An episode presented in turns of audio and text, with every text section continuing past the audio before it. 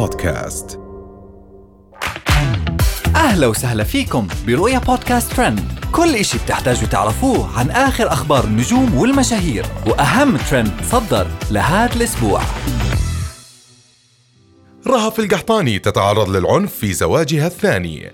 هند القحطاني تشن هجوم على المشاهير وتعلن لن أتزوج شاب ملتزم غبقة فخمة لفوز الفهد وحضور كبير من فنانات الكويت.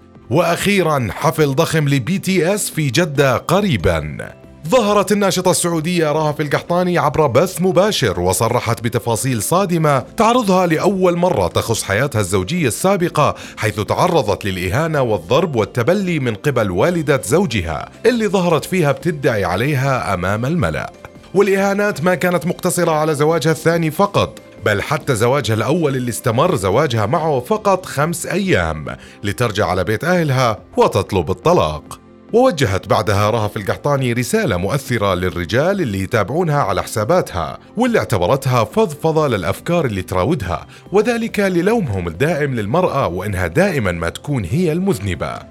أما هند القحطاني فظهرت الأخيرة عبر فيديو على سناب شات عبرت فيه عن استيائها من رد فعل الشهير عبد الرحمن المطيري في لقائه الأخير بعد سؤاله عن هند القحطاني حيث علق أنه من الممكن أنه تكون في صفات الرجال اللي ترغب الارتباط فيه.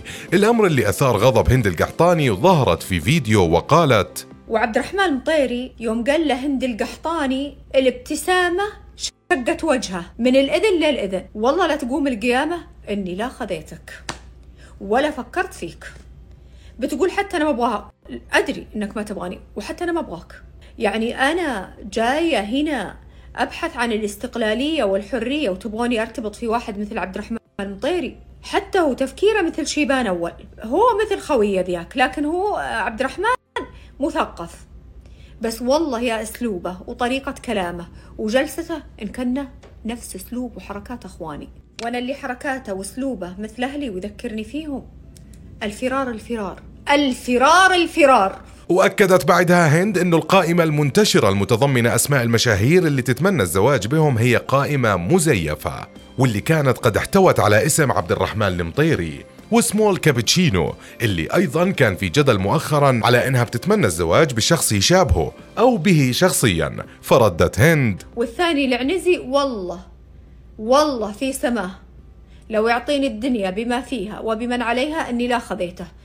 شخصيته مرة ما تعجبني. مرة. وبعدين هو عليه أفكار ما تناسبني. أفكار يعني هو شفت له مقاطع وهو يتكلم عن المرأة؟ جميع هذه المقاطع اللي شفتها تؤكد إن ما عنده أي احترام للمرأة. مثل تفكير شيبان أول. الأمر اللي استفز عبد الله العنيزي المعروف باسم سمول كابتشينو رد عليها وقال اسالي نفسك يا هند هل أنا راح أرضى في وحدة هاربه خارج السعودية؟ هل أنا راح أرضى في وحدة الكل شافها؟ مو الكل شاف وجهها الكل شافها. الكل شافها. هل راح أرضى؟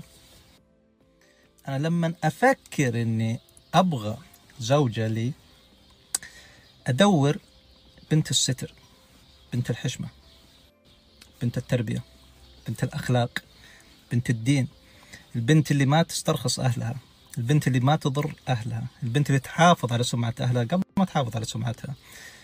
فأنت تقولين والله لو يعطوني وزني ذهب ما أرضى في الأنرجي أنا أقول لك والله لو يعطوني وزنك مع أولادك اللي أكبر منك وأطول منك فلا أرضى فيك.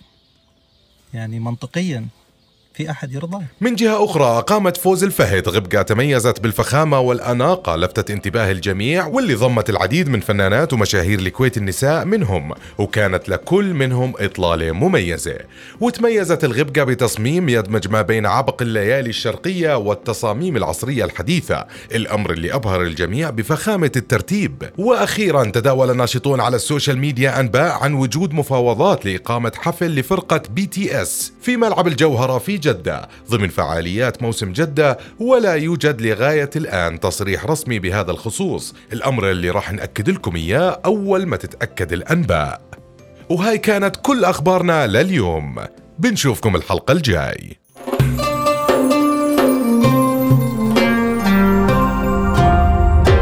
رؤيا بودكاست.